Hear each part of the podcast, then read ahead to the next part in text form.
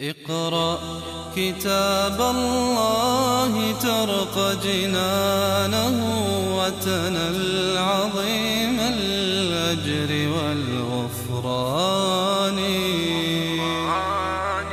رتله روي القلب من نفحاته كالماء يروي لهفة العطشان. قال سبحانه الذين هم في غمرة ساهون يسألون أيان يوم الدين. يعني إذا سمعوا الحديث عن الآخرة والبعث والجزاء والحساب لا يعطون الموضوع اهتماما وإنما يواجهون الموضوع بلا مبالاة ويسألون. لم يكن سؤالهم سؤال مسترشد أو مستفتي وإنما سؤال هازل. ولذلك سألوا عن ماذا؟ هل سألوا عن الدليل عليه أو سألوا عن حجته أو سألوا عن شبهة قائمة في نفوسهم؟ لا. سألوا وقالوا أيانا. ما معنى أيانا؟ متى؟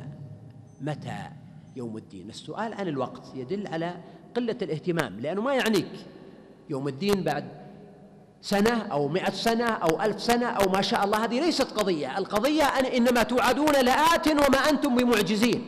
فهم سؤالهم أحيانا يعني سؤال استخفاف مثل الذي قال وما أظن الساعة قائمة. يعني هذا لما قال ما أظن يتظاهر بأنه حكيم وحصيف. والقصة عنده ظن يقول لم لم يظهر لي هذا الشيء لا يترجع عندي هذا الشيء حتى يوهم من حوله بأنه إنسان حكيم وحصيف وبصير وعاقل. ثم قال إمعانا في قلة الاهتمام ولئن رجعت إلى ربي لأجدن خيرا منها منقلبا. فيظن بأنه حتى لو فرض جدلا وقامت الساعة فله في الآخرة مال وبنون وجنان وغير ذلك. فالله سبحانه وتعالى يقول هؤلاء يسألون أيان يوم الدين. يعني متى يكون يوم الدين؟ ومتى يأتي يوم الدين؟ ولأن سؤالهم سؤال يعني استهزاء ولا مبالاة. فالله سبحانه وتعالى لم يجبهم على السؤال. مع أنه وقع الجواب في غير هذه السورة ماذا كان الجواب؟ نعم بالضبط. قل إنما علمها عند ربي لا يجليها لوقتها إلا هو. ثقلت في السماوات والأرض. لا تأتيكم إلا بغتة. يسألونك كأنك حافي عنها. يسألونك عن الساعة أيان مرساها؟ إلى ربك منتهاها. فيما أنت من ذكراها؟ إلى ربك منتهاها. إنما أنت منذر من يخشاها. إن الساعة آتية أكاد أخفيها لتجزى كل نفس بما تسعى. هذا جواب. وفي جواب ثاني وهو أن يقال لهم إن ساعتكم إن الساعة وإن يوم الدين بالنسبة لكم هي تلك اللحظة التي تغادرون فيها الدنيا. فإن العبد إذا مات قامت قيامته وانتهى. تعلقه بهذه الدنيا. نعم ترث أجيال أجيالا ولكن الإنسان حظه من الدنيا هو هذا العمر المحدود الذي يعيش فيه على ظهرها. أما الجواب هنا فإن الله سبحانه وتعالى قال يوم هم على النار يفتنون. سؤال سخرية أجيب بالوعيد والتهديد. يوم هم يعني هذا يوم الدين هو اليوم الذي يكونون فيه على النار يفتنون. ولاحظ أن الله سبحانه وتعالى هنا لم يقل يوم هم في النار. يفتنون. لو كانوا في وسطها كان المقصود تعذيبهم فيها قال في النار. ولكن هنا قال يوم هم على النار. وهذا دليل أنهم كانوا كأنهم كانوا مقبلين على النار ولما يدخلوها بعد. كما قال سبحانه وش الآية التي تناسب هذا السياق؟ ولو ترى إذ عرضوا على النار. فهذا نوع من العذاب لا يقل صعوبة وآلما عن مقاسات العذاب ذاته. أن يرى الإنسان ما هو قادم عليه.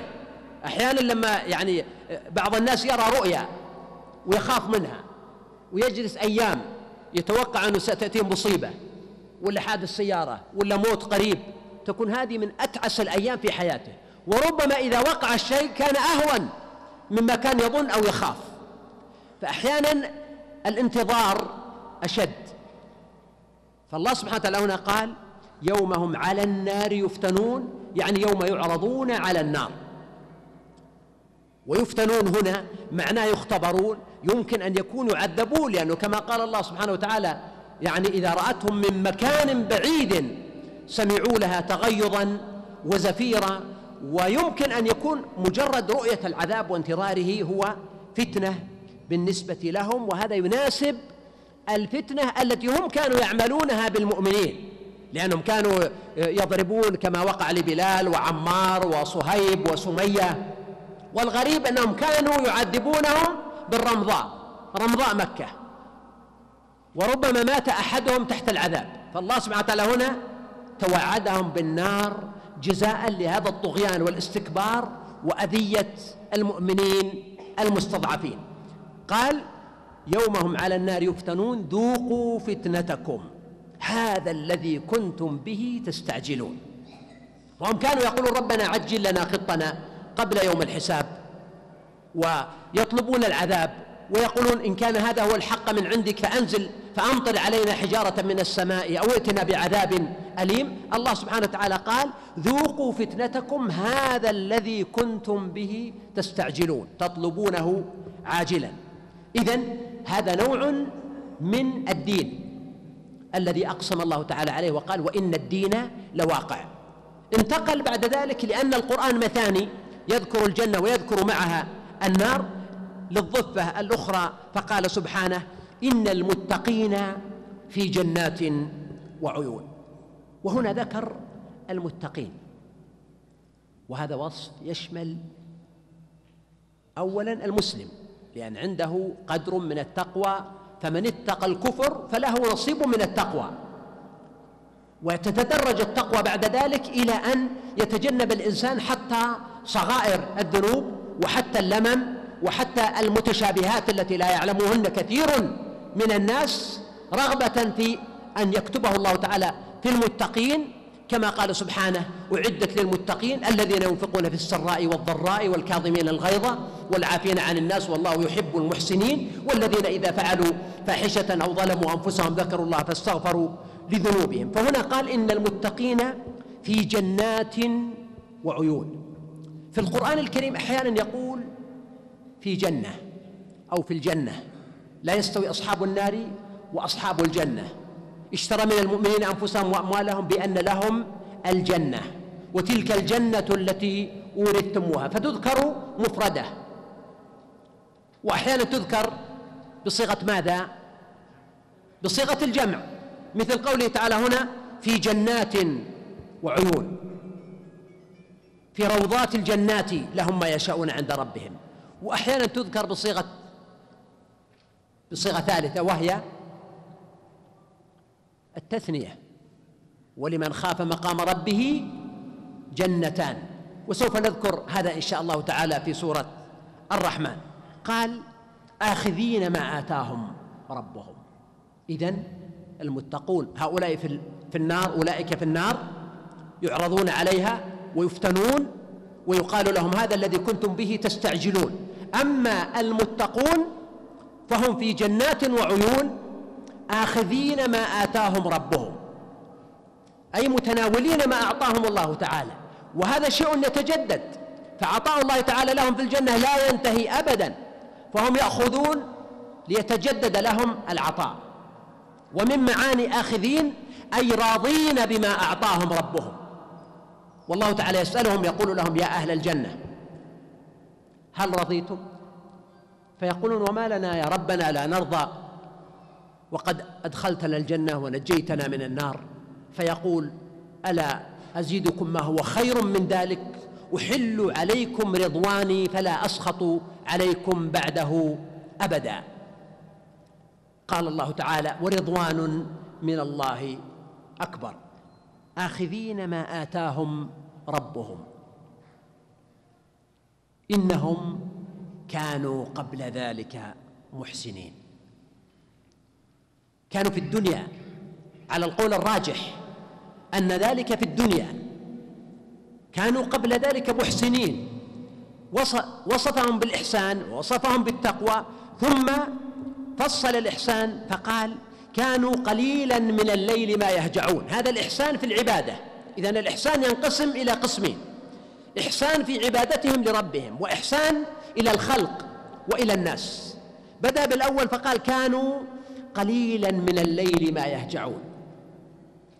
يحتمل في معنى هذه الآية أنهم لا ينامون من الليل إلا قليلا. وعبر بالهجوع. قليلا من الليل ما يهجعون. يعني أكثر الليل كانوا يقومونه على ظاهر هذه الآية. والنبي صلى الله عليه وسلم كان يقوم كان ينام نصف الليل ويقوم ثلثه وينام سدسه آخر الليل. ثم يقوم قبيل السحر ويستغفر ربه. وهذا أكمل الأوصاف. ولم يقم النبي صلى الله عليه وسلم ليلة كاملة حتى الصباح. ولا كان أصحابه رضي الله عنهم يفعلون ذلك. وإنما هذا وجد في من؟ بعدهم. ولذلك قال ابن عباس رضي الله عنه في تفسير هذه الآية كانوا قليلا من الليل ما يهجعون. إنه قلما تمر عليهم ليلة لا يصلون فيها. وهذا عندي من أحسن الأقوال في تفسير الآية.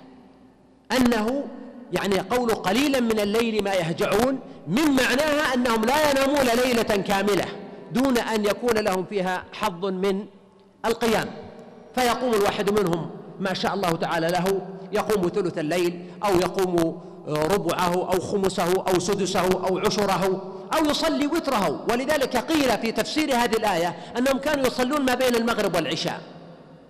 وحري بمن صلى العشاء في جماعة ومن صلى الفجر في جماعة أن يكون له نصيب من هذه الآية كما قال النبي صلى الله عليه وسلم من صلى العشاء في جماعة فكأنما قام نصف الليل ومن صلى الفجر في جماعة فكأنما قام الليل كله. وحري بمن حافظ على صلاة الوتر ولو ثلاث ركعات أو خمس أو سبع أو ما تيسر له. وكان الإمام أحمد إذا وجد وقتا طول في الركعات صلى اثنتي عشرة ركعة أو ثلاث عشرة ركعة وطولها. وإذا ضاق به الوقت صلى ثلاثة عشر ثلاثة عشرة ركعة واختصرها وأوجزها. فيحافظ على العدد ولكن يطيلها أو يقصرها بحسب نشاطه بحسب الوقت المتاح له. بعض المفسرين قالوا إنما هنا نافية. يعني قليلا من الليل لا يهجعون أي قليلا من الليل يسهرونه في الطاعة. وهذا المعنى ضعيف. وقد رده الإمام ابن القيم رحمه الله من نحو عشرة أوجه فهو يعني منكر في السياق والتركيب اللغوي كما أنه بعيد من حيث المعنى لأنهم لا يمدحون بمجرد أنهم يعني يتركون قليلا من الليل يسهرونه ولا ينامونه وإنما أثنى عليهم بالمجاهدة والمكابدة والصبر الطويل. وإنما أقرب ما يكون من المعاني أنهم كانوا يقومون من الليل ما تيسر ومن المعلوم أنه إذا اعتبرنا أن الليل يكون بعد غياب الشمس إلى الفجر فإن الناس أصلا من عادتهم أنهم لا ينامون إلا بعد صلاة العتمة بيسير وربما بعضهم يسامر أهله ثم ينام ثم يقوم لما تيسر له من قيام الليل ثم ينام فيكون في النهاية أن ما ينامه من الليل يظل قليلا. ومع ذلك فإن نوم الليل مما امتن الله تعالى به على العباد فقال وجعلنا نومكم سباتا وقد ثبت علميا أن ساعة من نوم الليل تعوض عن ساعتين من نوم النهار وأن وجود قدر من الراحة للجسد بل حتى الحيوانات وحتى النبات نفسه له حالة من السبات في الليل. ولذلك فإن العادات التي طرأت اليوم على كثير من الأسر والشباب والبنات في السهر الطويل تجد أن يعني وقوع البنات والشباب تحت طائلة القنوات الفضائية والإنترنت والمحادثات والماسنجر والاتصالات وغيرها أنهم يجلسون الساعات الطوال بحيث أصبح عاديا أن لا ينام أحدهم إلا في ساعة متأخرة من الليل وقد ينام عن صلاة الفجر أو يمكن أن يكون عنده دوام أو دراسة في الصباح فيذهب وهو مجهد. وتخيل مثل هذا الإنسان لما يكون سهر الليل لا يمكن أن يؤدي عمله على الوجه الأكمل ولكن في الغالب أنه ينام أو يحضر بنصف عقل ونصف جسد والغريب أن هذه العادات هي موجودة في البيئات الإسلامية موجودة عند المسلمين الذين أدبياتهم وثقافتهم يعني تؤدي إلى معنى آخر مختلف. النبي صلى الله عليه وسلم كان يكره النوم قبلها والحديث بعدها يعني صلاة العشاء وكان السهر يكره إلا لمسافر أو مصلي أو ذاكر أو من يسامر امرأته أو ما أشبه ذلك من المعاني والمقاصد الصحيحة. بينما وجدت في كثير من بلاد العالم في الغرب إنه بمجرد ما تغيب الشمس يضعف دبيب الحياة وتقل السيارات وتغلق الدكاكين من دون أوامر. هكذا الناس قد اعتادوا ويأوي الناس إلى بيوتهم ومهاجعهم. وساعات ليست بالطويلة ينامون. فالصباح الباكر مع العصافير يصحو الناس هناك. وتجد الحركة في الشوارع على أشدها والسيارات واليقظة وبورك لامتي في بكورها. فهذه من العادات اليوم تأتي إلى عواصم إسلامية مثل القاهرة أو الرياض أو آه، غيرها. فتجد أن ميزتها أنها عواصم لا تنام. هذه من العادات التي ينبغي أن تعالج وتصحح. اقرأ كتاب الله ترق جنانه وتنل عظيم الأجر والغفران. رتله روي القلب من نفحاته كالماء لهفة العطشان